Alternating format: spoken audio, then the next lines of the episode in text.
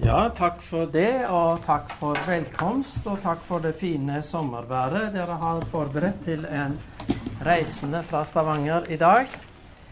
Eh, jeg har laget et eh, lite sammendrag i noen punkter av det som jeg har tenkt å si, med en liten litteraturliste på baksiden, så dere kan dele ut det så langt jeg vet om det, det, det er omtrent til alle. Jeg har ikke talt akkurat hvor mange det er. Eh, den boken som Jan nevnte innledningsvis, artikkelsamlingen som Leif Aalen redigerte, den står på litteraturlisten bak på det arket dere fikk. Den kom ut for akkurat 60 år siden i år, så vi kan jo ta, et, ta det som et lite eh, jubileumsmarkering. Den boken FBB ga ut for to år siden, Jan, den har en annen tittel. 'Skal kvinnene tie?' Eh, om ordinasjon av kvinner til prestetjeneste. Så har jeg også i, i fjor gitt ut en liten bok som bl.a. handler om dette, som heter 'Bibelen uten filter'. Så, og jeg har med noen eksemplarer av den til eh, rabattert pris. Hvis noen har lyst til å kjøpe den etterpå, så ligger den på et bord der bak.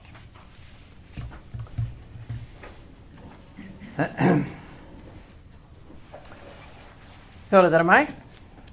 Ja. Det høres bra ut. Det var jo relativt stille om denne saken en del år. Eh, men så har jo i de siste årene diskusjonen om det er rett å ordinere til kvinner til prestetjeneste blusset opp igjen. I utgangspunktet, hvis en ser på det i et litt sånn større perspektiv, så kan en jo tenke at dette spørsmålet egentlig ikke hadde krav på noe særlig interesse. For selv om Jesus og apostlene utvilsomt framhevet kvinners likeverd, på mange måter oppvurderte kvinners stilling i kirke og samfunn, så gjorde de forskjell på menns og kvinners tjeneste i kirken. Det er i hvert fall ikke omdiskutert.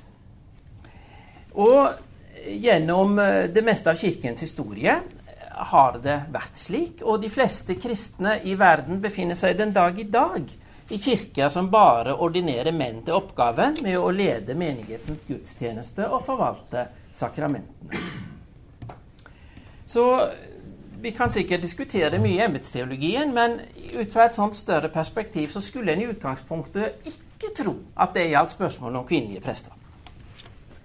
Forsvar for ordinasjon av kvinner er i et historisk og et gumenisk perspektiv faktisk et perifert mindretallsstandpunkt. Men det oppleves jo ikke slik, som Jan også minnet oss om her innledningsvis.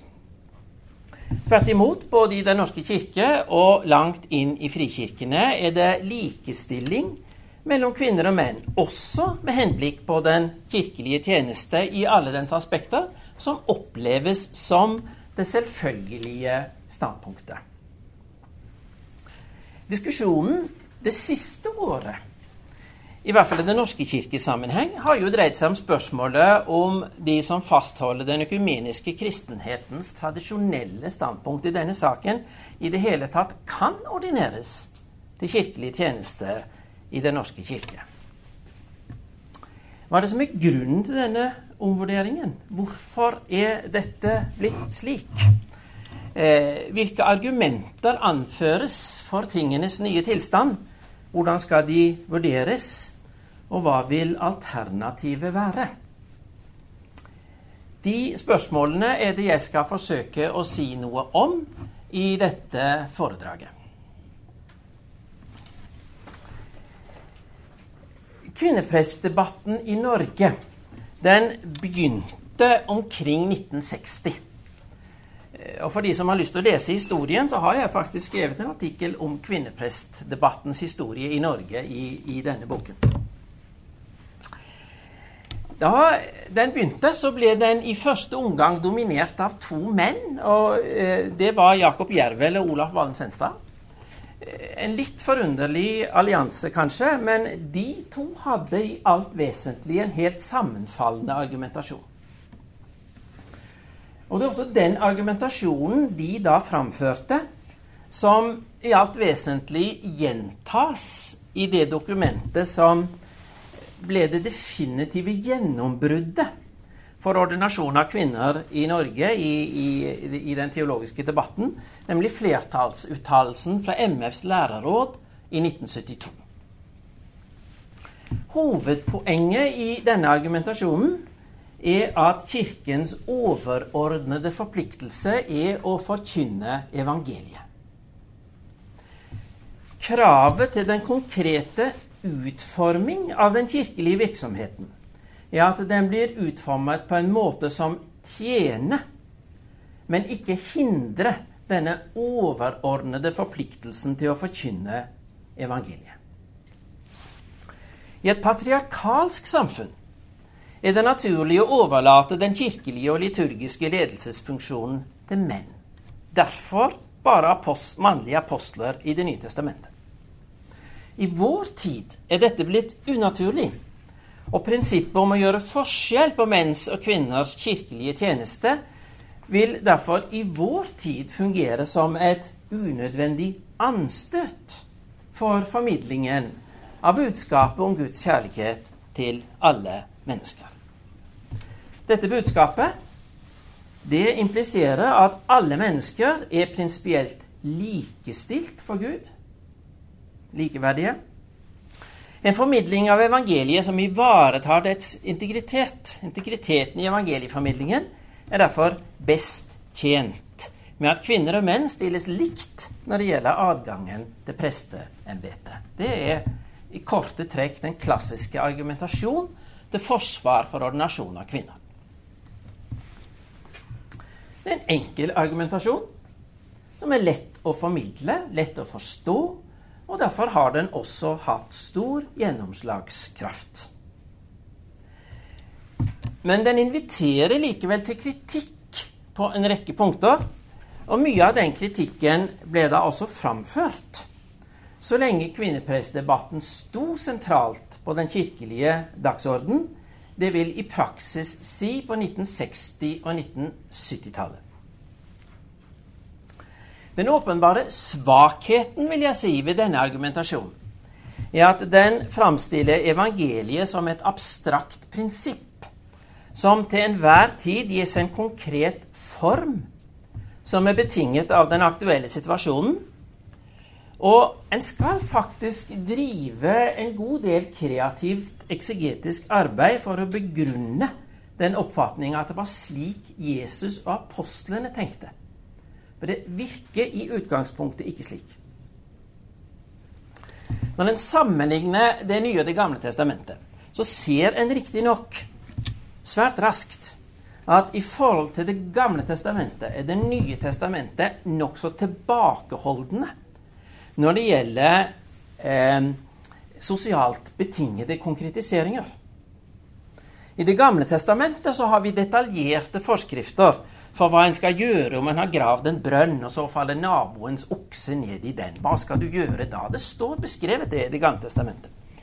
I Det nye testamentet så har vi ikke den slags kasuistiske regler. Vi har et overordnet fokus på kjærlighet, glede, fred, overbærenhet, vennlighet, godhet, trofasthet, ydmykhet og selvbeherskelse, for å sitere Galaterbrevet.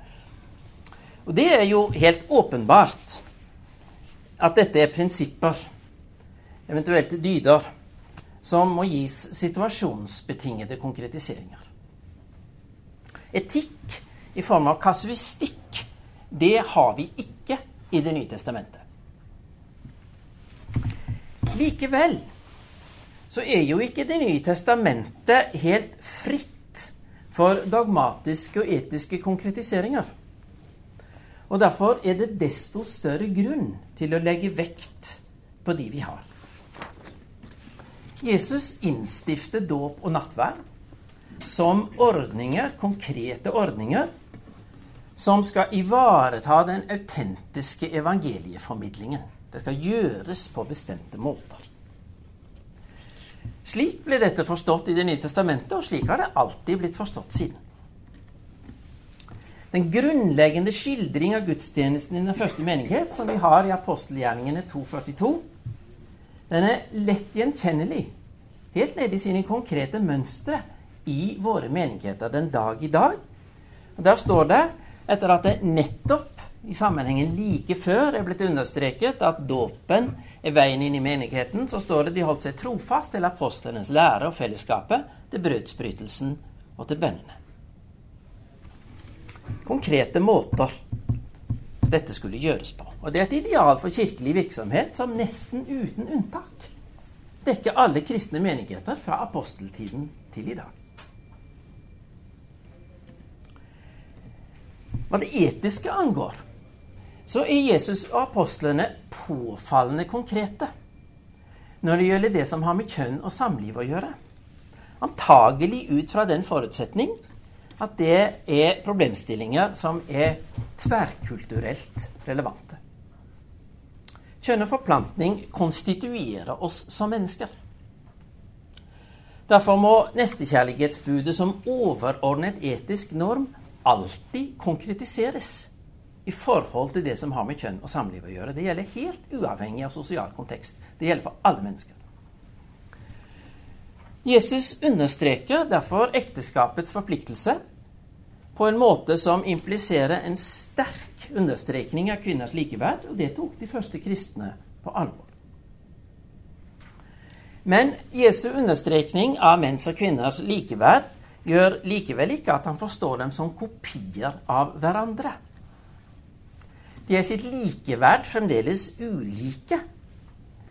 Noe som også kommer til uttrykk i utleggelsen av ekteskapet som metafor for Jesu forhold til menigheten i Efeserbrevet kapittel 5.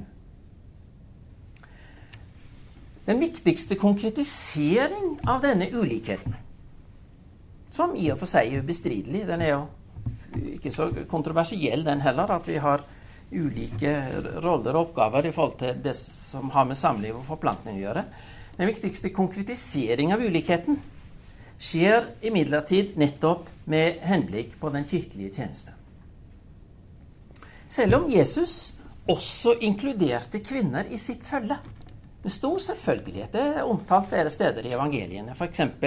Lukas 8,2 så utnevnte han menn til apostler, og dermed til fundamentet for den kirke som han eh, i Matteus 16 sa han ønsket å grunnlegge. Du er Peter, på denne klippet vil jeg grunnlegge min kirke, sa han, og der var apostlene sentrale. Han innstiftet sakramentene i nærvær av disse apostlene. Og det var viktig for ham at det skulle være slik. Derfor står det i Matteus 28 at kvinnene, de første vitnene om oppstandelsen, skulle si til disiplene at de skulle møte ham, og da ga han de misjonsbefalingen, dåpsbefalingen. Og dette fikk konsekvenser for utformingen av tjenestene i menighetene. Konsekvenser som det økumeniske kirkefellesskap inntil andre halvdel av det 20. århundre oppfattet som forpliktende. Spørsmålet er altså hvilke av Det nye testamentets konkretiseringer som skal anses som kontekstbetingede, og hvilke som skal anses som allment forpliktende. Tradisjonelt mente Kirken, fra aposteltiden og helt fram til nyere tid, eh, så mente Kirken at kriteriene for skille mellom det kontekstuelt betingede og det allment forpliktende det kunne på en konsistent måte hentes ut av Det nye testamentet selv. Og av den grunn forsto Kirken både det som i Det nye testamentet sies om dåp og nattvær, ekteskapet og den kirkelige tjeneste som allment forpliktende. Når man erstatter dette med en forståelse av evangeliet som et generelt prinsipp, som utelukkende har kontekstbetingede konkretiseringer, så forsvinner dette nytestamentlige kriteriet for å skille mellom de to ting. Og da kan det bare få en konsekvens. Det er det åndelig opplyste mennesket som må levere kriteriene selv for hvordan en skal håndtere dette skillet mellom det kontekstuelle og det allment forpliktende. Slektskapet med sverdmernes argumentasjon på reformasjonstiden blir da faktisk nokså påfallende. Riktignok så vil en i en luthersk sammenheng, et minimum av tradisjonsbevissthet, være veldig tilbakeholdne med å problematisere sakramentene. Men man er desto mer frimodig med å dispensere fra Det nye testamentets konkretiseringer når det gjelder kjønn og samliv. Der må konkretiseringen hentes fra konteksten, er det blitt til. Det prinsipielle problem er imidlertid at kriteriene for når en skal følge Det nye testamentets anvisninger, og når han ikke skal gjøre det, på denne måten blir nødvendigvis ustabile. Og de vil måtte være det, så lenge en opererer med et tidløst prinsipp uten konkretiseringer som en overordnet kirkelig og teologisk norm.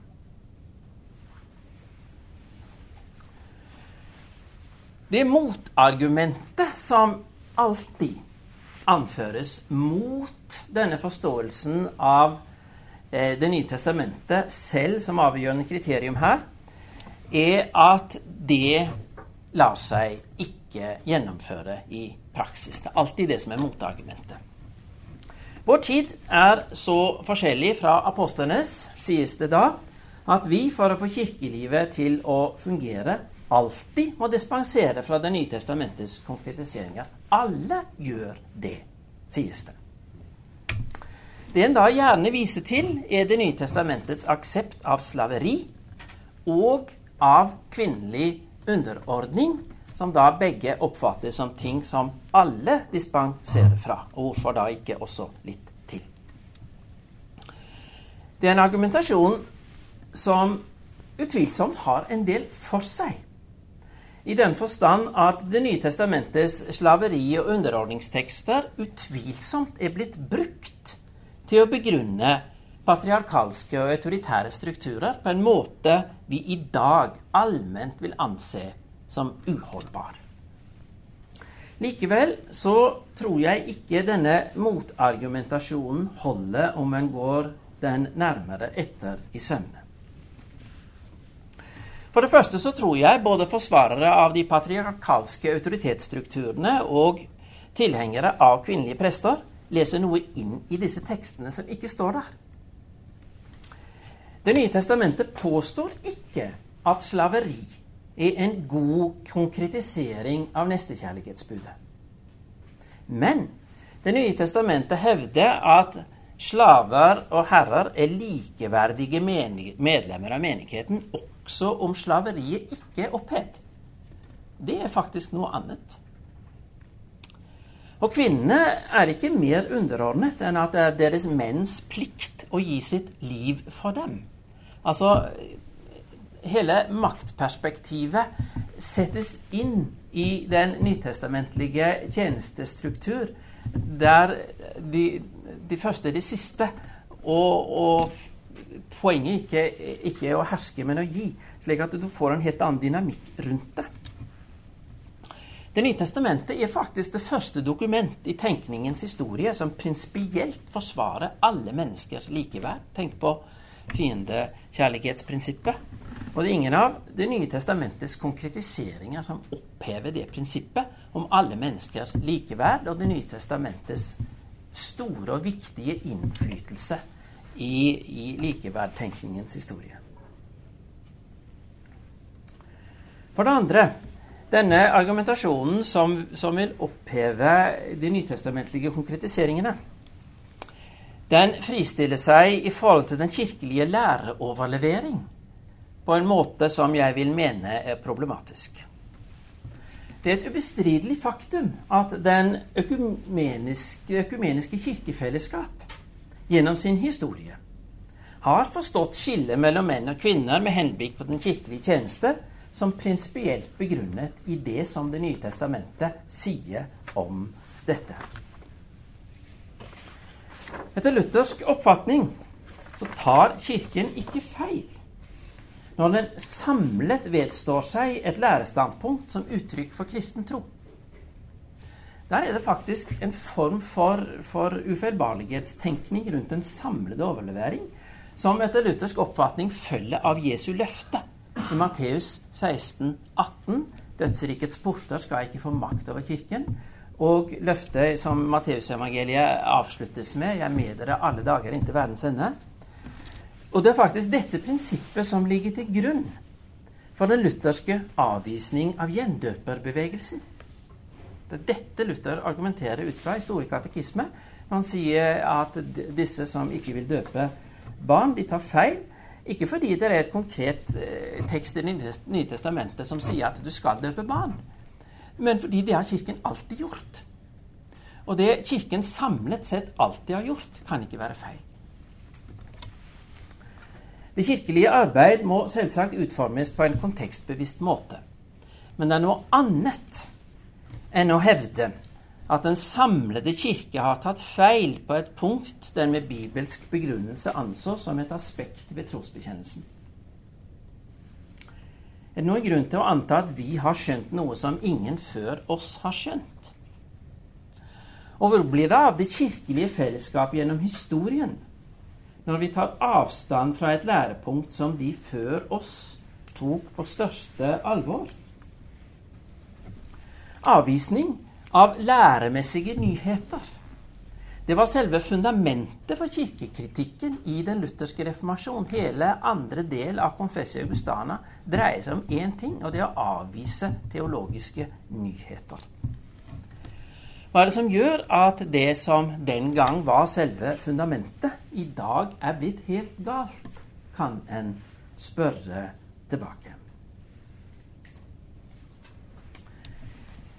Jeg tror det har noe å gjøre med det som vi kanskje kan kalle for et gjøkungeprinsipp her.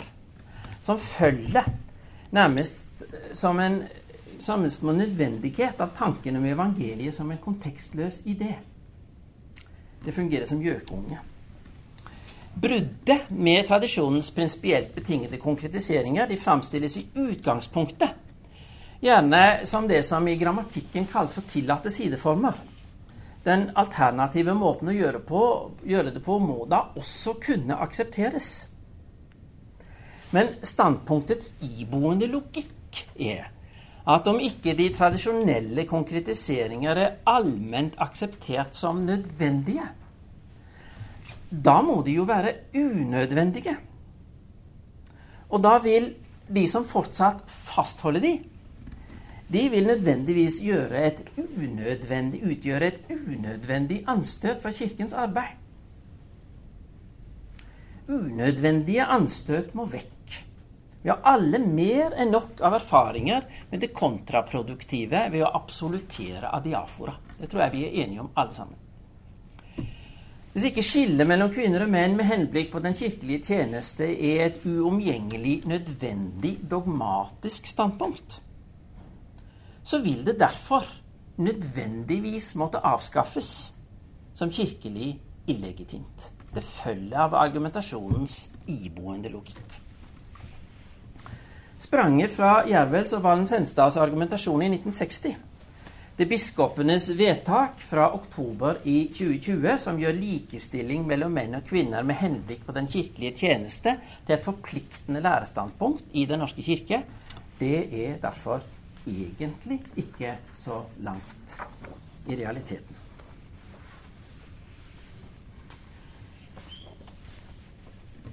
For de som følger med på sammendraget, så er jeg nå ferdig med punkt 1 og 2. Og da begynner jeg naturlig nok på punkt 3.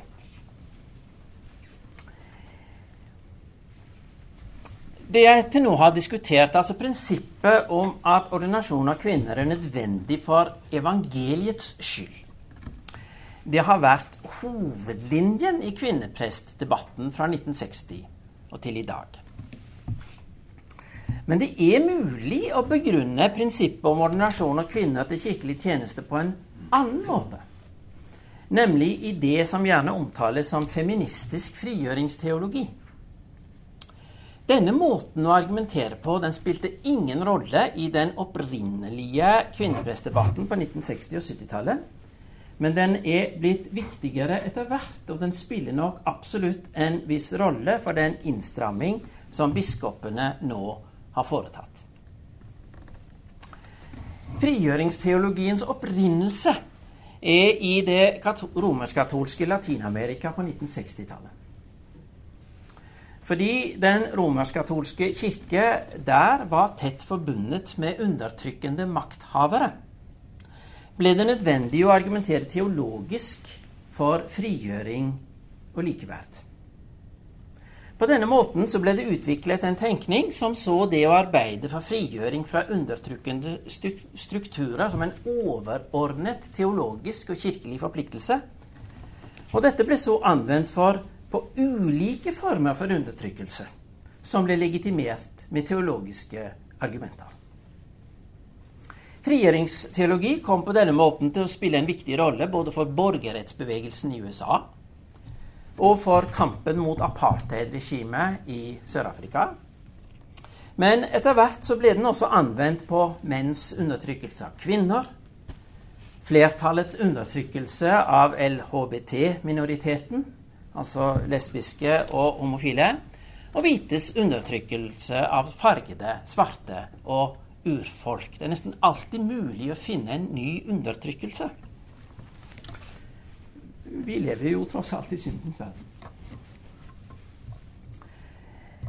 I vår sammenheng er det først og fremst teologisk begrunnet arbeid for frigjøring av kvinner, og eventuelt også menn, fra kvinneundertrykkende strukturer som er interessant. En eh, amerikansk teolog som heter Ronald Ziegler, har en artikkel som vi har oversatt til norsk, og som står i, i denne boken, eh, der han skriver om feministisk frigjøringsteologi, og den inndeler han i tre varianter, som han kaller for liberal, radikal og evangelikal. Felles for dem er at de har frigjøring fra strukturer definert på menns premisser, inkludert prinsippet om bare å ordinere menn til prester som et overordnet målsetting. Forskjellen på disse tre, radikal, liberal og evangelikal, er i hvor stor de anser et brudd med tradisjonell kristendom som en betingelse for å få det til. Det Ziegler her kaller radikal feministisk teologi, oppfatter ikke nødvendigvis seg selv som kristen, men kan like gjerne søke tilknytning til sjamanisme og andre former for førkristen religion. Det er jo en måte å tenke på som eh, ikke har vært veldig sentral i, i, i, i hvert fall I hvert fall tenker ikke biskoper på den måten. Men både liberal og evangelikal feminisme forstår seg selv innenfor den kristne tradisjonen men ønsker å frigjøre denne fra dens iboende elementer av kvinneundertrykkelse. Ifølge det Ziegler kaller for liberalfeminisme, så fins denne undertrykkelsen også i Bibelen, slik at frigjøring fra uheldige sider ved bibelsk begrunnet tradisjon, bl.a. bruken av mannsmetaforer om Gud, en viktig målsetting.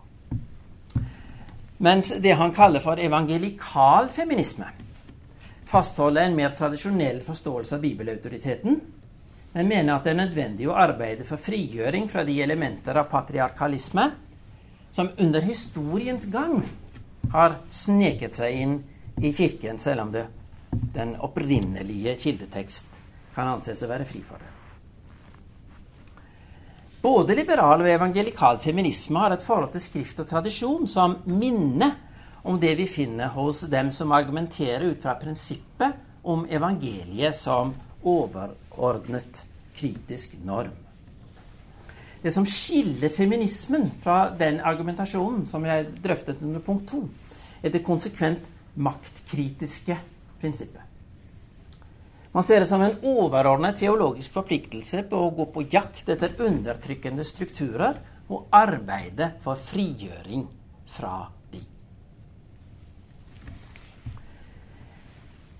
Slik jeg ser det, så bør ikke frigjøringsteologien møtes med noen ensidig avvisning, heller ikke i sin feministiske form.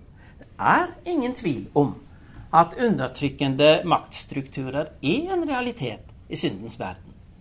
Og det å arbeide for frigjøring fra slike strukturer er en nødvendig konkretisering av nestekjærlighetsbudet. Arbeid for likeverd, menneskerettigheter, ytringsfrihet og religionsfrihet er en kristenplikt. Det er heller ikke vanskelig å peke på kvinneundertrykkende trekk ved vår egen historie, eller ved samfunnsformer vi ser, vi ser utenfra, og derfor lettere ser svakhetene ved. Her har den feministiske frigjøringsteologien helt klart berettigede anliggender. Det samme gjelder dens påpekning av at når Bibelen bruker kjønnede metaforer om Gud, så betyr ikke det at Gud er en mann. Gud er i sin nakne utilgjengelighet hevet over det kjennede. Noe som bl.a. kommer til uttrykk ved at Bibelen kan bruke både mannlige og kvinnelige metaforer for å beskrive Guds forhold til menneskene. Jeg ville samle dere som en høne samler kyllingene sine, sier Jesus f.eks. Men frigjøringsteologien tar etter min oppfatning likevel feil når en ser på maktkamp som livets grunnleggende realitet, og på maktkritikk som en overordnet etisk forpliktelse. Det tror jeg blir problematisk. For det første er det et prinsipp som ikke lar seg gjennomføre. Det viser seg jo tydelig når frigjøringsteologene selv kommer i maktposisjon. Noe som i dag i stor grad er tilfellet både i Den norske kirke og i andre protestantiske folkekirker. De burde da ifølge sitt eget standpunkt iboende logikk lytte særskilt oppmerksomt til de grupper som da marginaliseres, f.eks. kvinnepressmotstanderne.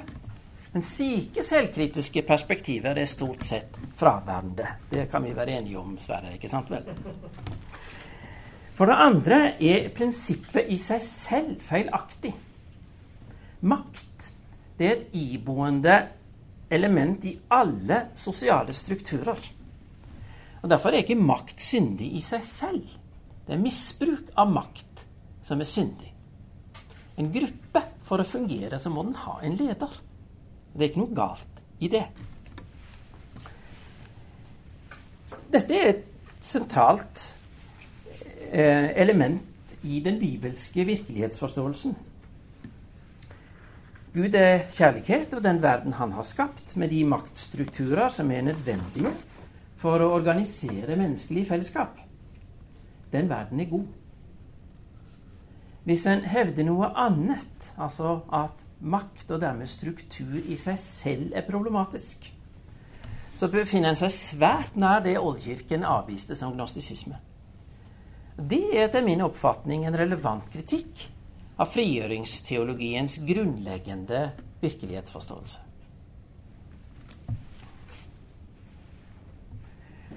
Fordi makt i seg selv ikke er syndig og problematisk, så kan Jesus også ta i bruk kjønnede maktmetaforer for å beskrive gudsbildet. Han lærer oss derfor å omtale Gud som han Herre og Far. Og når Gud stiger ned i vår verden og blir en av oss, så blir han det som en mann. Det betyr ikke at Gud er kjennet, eller at vi skal bruke mannlige gudsmetaforer som påskudd for mannssjåvinistiske og kvinnefiendtlige holdninger og handlinger.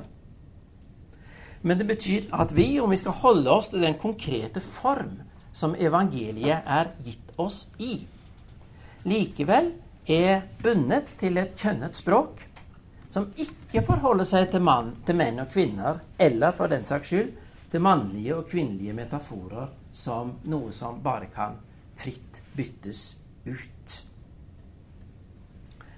Om man vil forholde seg til dette som tilfeldigheter eller som et problem som bør bekjempes, jf. den den liberale feministteologien i Ziglas eh, klassifisering, så forholder en seg ikke lenger til Jesus som virkelighetsforståelsens fundament og utgangspunkt.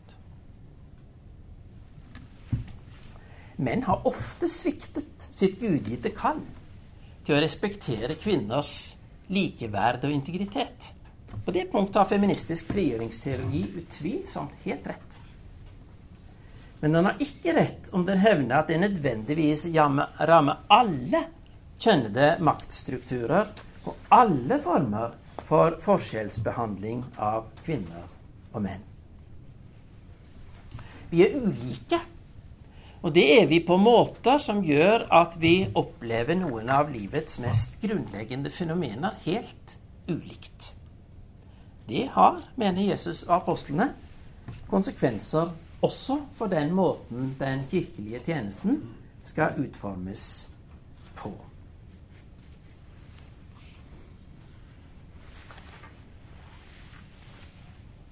Så langt så har jeg pekt på to argumentasjonsmodeller, altså punkt to og tre i, i oppsummeringen, som er anvendt for å begrunne prinsippet om likestilling mellom kvinner og menn når det gjelder den kirkelige tjeneste. Det er prinsippet om evangeliet som en overordnet norm som bare har situasjonsbetingede konkretiseringer, og den feministiske frigjøringsteologiens krav om frigjøring fra patriarkalske maktstrukturer. En felles forutsetning for disse to måtene å argumentere på er det jeg vil kalle angsten for det konkrete. En kan godt tenke seg å ha med Gud å gjøre. Det kan jo kristne og teologer gjerne. Men Gud skal fortrinnsvis holde seg på et abstrakt, åndelig og prinsipielt nivå. Når Gud blir nærgående og stiller konkrete krav til måten vi skal forholde oss på i våre liv og våre menigheter, da blir det for sterkt. Gud gjør seg best på en viss avstand. Fristelsen til en slik tenkemåte den kan en jo kjenne seg igjen i noen hver. Det er ikke så vanskelig for i et historisk tilbakeblikk, syns jeg, å peke på når denne angsten for det konkrete blir et dominerende trekk ved protestantisk teologi. Det skjer i løpet av det 18. århundre gjennom den epoken som vi kaller for opplysningstiden.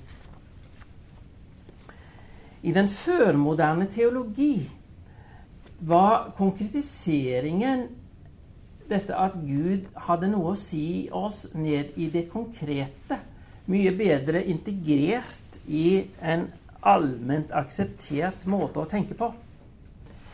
Ved at de kristne oppfattet seg selv som en del av den bibelske historien. De oppfattet det slik at Bibelen handlet om dem. De oppfattet ikke det som der omtales, primært som en beskrivelse av fortidige hendelser, men som avdekking av et guddommelig handlingsmønster som også omfattet dem. Gud var da like nær som den verden de levde i, og den luft de pustet i, fordi dette var gudvillede og gudgitte realiteter. Det som skjer i det 18. århundre, er at for det første så får vi en, eh, en, eh, et frambrudd av ny naturvitenskap som er opptatt av fakta og deres innbyrdes årsaksrelasjoner. Altså naturvitenskap, den fremvoksende naturvitenskap, har ikke ambisjoner å forstå hva fenomener egentlig er. De forstår det som nakne fakta som relateres til hverandre matematisk årsaksrelasjoner. I opplysningstiden så slår dette gjennom også i historievitenskapen, og dermed også i teologien. Som kom til å oppfatte Bibelen som en samling kildetekster som primært gir oss informasjon om fortidens hendelser og innbyrdes årsaks- og virkningsrelasjoner mellom fortidens hendelser. Da befinner vi oss ikke lenger som bibellesere i Guds historie med sitt folk. Dette er skrevet for deres skyld, sier Paulus når han utlegger Det gamle testamentet for korintermenigheten. Og, og, og, og, slik leste førmoderne kristne Bibelen. Dette skjedde for deres skyld. Men eh, en får en for, ny forståelse av Bibelen, først i den protestantiske teologi, så brer det seg i noen grad utover som ser Bibelen som en samling kildetekster eh, som forteller hvordan ting var i fortiden. Og så må en selv konstruere en bro som flytter Guds nærvær fra antikkens Midtøsten til vår tid. Og Slike brokonstruksjoner vil det nødvendigvis alltid hefte noe vagt og abstrakt ved. Gud blir fjern, og virkeligheten blir sekularisert. Det fins mange slike brokonstruksjoner. Hele protestant, protestantisk teologihistorie fra, fra opplysningstidene til i dag handler om den ene brokonstruksjonen som avløste den andre. Men de har alle det fellestrekk at de på en eller annen måte lokaliserer Guds nærvær i den religiøse erfaring ved hjelp av fornuftbegrunnede premisser om hvordan det er naturlig å tenke seg Guds åpenbaring manifestert og formidlet. Det er det religiøst kompetente mennesket som da selv blir en åpenbaringsformidler, som må forklare for oss hva Gud gjør i dag. Og dermed også klargjøre hvordan vi i dag på en adekvat måte skal forholde oss til Ham. I vekkelsene skjer det ved fokus på omvendelsesopplevelsen, eventuelt også ved bestemte historisk betingede krav til etterfølgelse. Universitetsteologien har en mer subtile måte, men tilnærmingen er i prinsippet den samme. Avhengig av hvor en plasserer seg selv i det teologiske og det kirkelige landskapet, så blir det altså vekkelseslederen eller teologiprofessoren som blir den avgjørende teologiske autoritet. Eller, som i tilfellet Ole Hallesby, en inkarnasjon av begge deler på en gang. Skal Gud i det hele tatt gis plass på moderne-tetens premisser? Ja, han henvist til den plass som de religiøse autoritetene gir han? Når ateistene påpeker at dette kanskje ikke er en troverdig måte å formidle Guds nærvær på, så har de etter mitt skjønn helt rett. at Jesus og apostlene åpenbart ikke var helt på høyde med vår tids opplyste forståelse av hvordan Guds nærvær må forstås. Det må da forklares ved hjelp av det som vi gjerne kaller for tilpasnings- eller akkommodasjonsprinsippet. Selvsagt var Jesus og apostlene enige med oss, sier opplysningstidens teologer og deres etterfølgere. Men de måtte tilpasse sin forkynnelse til det nivå samtidens mennesker befant seg på. Hvis de ikke hadde gjort det, så hadde vi funnet moderne tidsriktig opplysningsteologi også mellom Bibelens permer. Jesus mente selvsagt å likestille kvinner og menn, men måtte, når alt kom til alt, fungere på samtidens premisser, herav de mannlige apostler. Det en da overser, og det syns jeg nesten er litt pussig hos, hos eh, personer som, som, vil være historisk velorienterte, er at Jesus jo overhodet ikke eide hemninger når det gjaldt å utfordre samtidens religiøse autoriteter der han anså det nødvendig. Det kostet han faktisk livet at han gjorde det. At en ved hjelp av akkommodasjonsprinsippet kan finne en form for bibelsk legitimering av absolutt hva som helst, er også noe som sjelden har bekymret moderne protestantiske teologer. I første omgang fikk ikke opplysningstidens åndeliggjøring av gudsforholdet konsekvenser for synet på forholdet eh, for forholdene som angikk kjønn og kirkelig lederskap. Det henger sammen med at modernitetens ledende tenkere på 1800- og 1900-tallet var menn som uten unntak forsto det som nå ble de overordnede kilder til teologisk kunnskap, altså fornuft og erfaring, som underlagt menns herredømme. Og noe som burde forstås på menns premisser. Det fins neppe noe så ensidig mannssentrert kirkelig tenkning som den eh, klassiske opplysningsteologi og tidlig liberalteologi. Men i vekkelsesbevegelsene så begynte prinsippet om ulike kirkelige tjenester for kvinner og menn å slå sprekker nokså fort. Det skjer i løpet av eh, 1800-tallet. Og i løpet av andre halvdel av det 20. århundre blir likestilling mellom kvinner og menn når det gjelder adgang til det kirkelige embetet, det normale også i de historiske protestantiske folkekirkene. I et tilbakeskuende perspektiv er det lett å se at det måtte gå slik. Hvis det er fornuft og erfaring som er de avgjørende kilder for teologisk kunnskap, lar det seg i det lange løp ikke begrunne noen teori om at menn skal ha noen form for fortrinnsrett. Menns og kvinners erfaringer er riktignok ulike. Men holder fast ved at både menn og kvinner er skapt i Guds bilde, er det vanskelig å komme bort fra at disse erfaringene må være likeverdige. Det er også vanskelig å begrunne en teori om at menn er mer rasjonelle enn kvinner, om en ikke først har definert rasjonalitet på menns premisser og legger det til grunn for vurderingen. Da kan en komme til at menn er mer fornuftige enn kvinner, men det er neppe en eh, veldig god måte å argumentere på.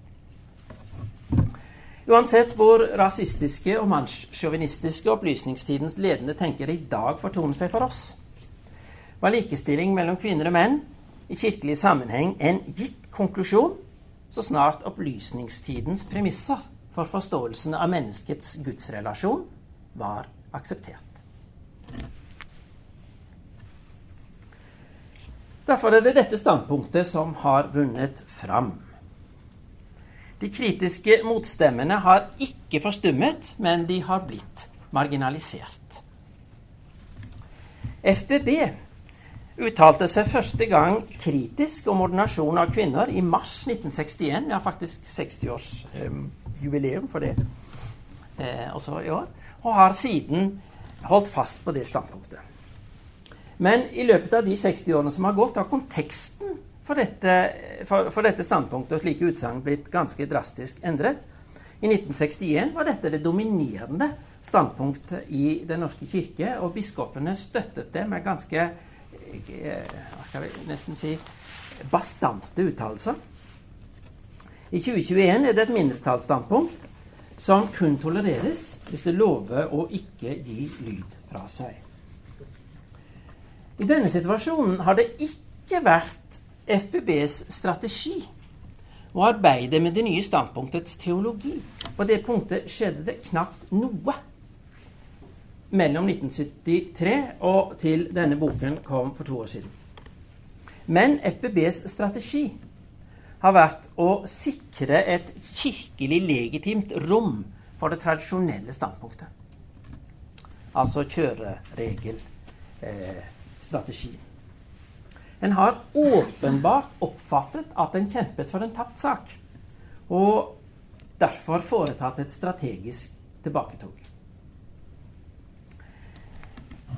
Jeg tror, men eh, det kan vi jo eventuelt diskutere etterpå, jeg tror dette fokus på tradisjonens legitimitet har vært uheldig.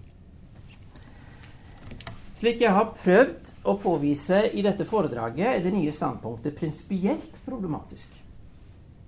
FBB-strategien med fokus på kjørereglene har imidlertid på en antagelig utilsiktet måte bidratt til en forståelse av ordinasjon av kvinner som et ordningsspørsmål. Og da er det tradisjonelle standpunktet dømt til å tape. Samtidig har dette, denne strategien på en uheldig måte plassert våre kvinnelige prestekolleger i skuddlinjen, der det burde ha vært de teologiske forutsetningene for de økumeniske implikasjonene av biskopenes ordinasjonspraksis som var gjenstand for kritikk. Eh, Asle Dingstad har sagt at eh, FBB her kanskje skylder de kvinnelige prestene i Den norske kirke en unnskyldning, og jeg tror han har et poeng. Det viktige spørsmålet for oss er imidlertid spørsmålet om det i dag er mulig å få denne diskusjonen om ordinasjon av kvinner ut av den skyttergravskrigen som det har havnet i. Er i dag mulig å vinne gehør for at det kirkelig overleverte standpunkt til ulike kirkelige tjenester for kvinner og menn rommer en evangelisk velsignelse som de progressivt likestilte kirkene går glipp av. Jeg vet ikke om det er mulig å få det til. Eh, mine erfaringer så langt er ikke spesielt gode. Men jeg tror ikke vi kommer forbi forpliktelsen til å prøve. En ting er at våre økumeniske forpliktelser gjør det nødvendig å reflektere over det forhold at ordinasjon av kvinner i den store sammenheng fremdeles er et anfektet mindretallsstandpunkt. Viktigere er det imidlertid at forståelsen av Jesus som den sanne Gud og det sanne mennesket tvinger oss til å ta hans insistering på gudsnærværets inkarnatoriske manifestering alvorlig. Hva er det Jesus ønsker å si oss når han gjør tolv menn til kirkens kjerne? Og hva er det apostlene vil formidle når de insisterer på at dette må få konsekvenser for utformingen av den kirkelige tjeneste? Jeg skal si litt om det. Og nå har jeg kommet til siste punkt i foredraget, eh, som jeg har kalt 'En visjon for livet i kirken'. Eh, dette har jeg skrevet litt mer om i denne boken. Eh, der er det for så vidt primært det jeg skriver om. Eh, den, den framstillingen er så å si helt upolemisk. Og alt jeg har sagt i dette foredraget til nå, er ting som det ikke står noe om i denne boken. Utgangspunktet for en bibelnær og økumenisk ansvarlig forståelse av kvinner og menns tjeneste i Kirken, det må være prinsippet om at både menn og kvinner er skapt i Guds bilde. Både kjønnsforskjellen og kjønnenes egenart må da forstås som Guds gaver. Kvinnens særpreg er åpenbart en sterkere involvering i forplantning, som er gitt med svangerskap og det fortsatte nære tilknytning til barn gjennom amming og tidlig barndom. Mannens oppgave i den sammenheng er å ta ansvar for sin kvinne og sine barn, stå opp for dem og gi dem den beskyttelse de krever. I vår tid forstår vi jo det som en felles forpliktelse, og det er jo godt. Men det fratar ikke kvinner og menn de biologiske ulikheter knyttet til unnfangelse, svangerskap og fødsel. De er faktisk ganske viktige. Kvinners mer gjennomgripende involvering i skapelsen av et nytt menneske gir dem også forutsetninger for et annet og mer dyptgående gudsforhold. Jeg tror faktisk det er rett å si det så sterkt. Det er derfor ikke unaturlig at kvinner i Det nye testamentet gjennomgående framstilles som de forbilledlig troende. Det gjelder for det første Jesu mor Maria, som i sitt svar på engelens meddelelse av at Guds sønn skal unnfanges i hennes livmor, gir det for alle troende helt eksemplariske og forbilledlige svaret 'Jeg er Herrens tjenestekvinne. La det skje med meg som du har sagt'. Det eksemplariske ved Marias mottagelse av Guds inkarnasjon understrekes da også ved at Kirken som fellesskapet av dem som selv har mottatt Jesus som sin nye identitet, i Det nye testamentet konsekvent omtales i hunnkjønn. Kirken er faktisk hunnkjønn på bibelske premisser. Slik sett så vandrer vi alle på Marias vei. Det var også en kvinne, ifølge Johannesevangelien Ann-Maria, nemlig Lasarus' søster, som fikk det ærefulle oppdrag å salve Jesus, Messias, den salvede, til hans gravferd. Det er eh, omtalt i flere av evangeliene. Kvinner er i særskilt grad gjenstand for Jesu omsorg og Jesu helbredelser. Og han møter de aldri med slik kritikk som folkets mannlige ledere utsettes for. Jesus møter jeg tror det er helt uten unntak i evangeliene alltid kvinnene med inkluderende omsorg. Kvinnene var de trofaste ved Jesu kors. Og Det er derfor ikke unaturlig at de også får det oppdrag å være de første vitner om oppstandelsen. Dette fulgte de nytestamentlige menighetene opp, både ved å gjennomføre prinsippet om menns og kvinners likeverd, og ved å gi kvinnene viktige og sentrale oppgaver i menighetene. Likevel så fastholder Jesus altså at rammeverket for dette fellesskapet, som selv om det omfatter både kvinner og menn, i prinsippet er å forstå som mottagende og kvinnelig, likevel utgjøres av en tjeneste som han kaller menn. til. Det er apostlene som kalles til å virke på Jesu vegne under løftet 'Den som hører dere, hører meg'. Det er i nærvær av apostlene Jesus innstifter dåp og nattvær. Det er overfor apostlene etter oppstandelsen fornyer kallet til å utbre tilgivelsens evangelium til alle folkeslag. Alle de fire evangeliene slutter på den måten.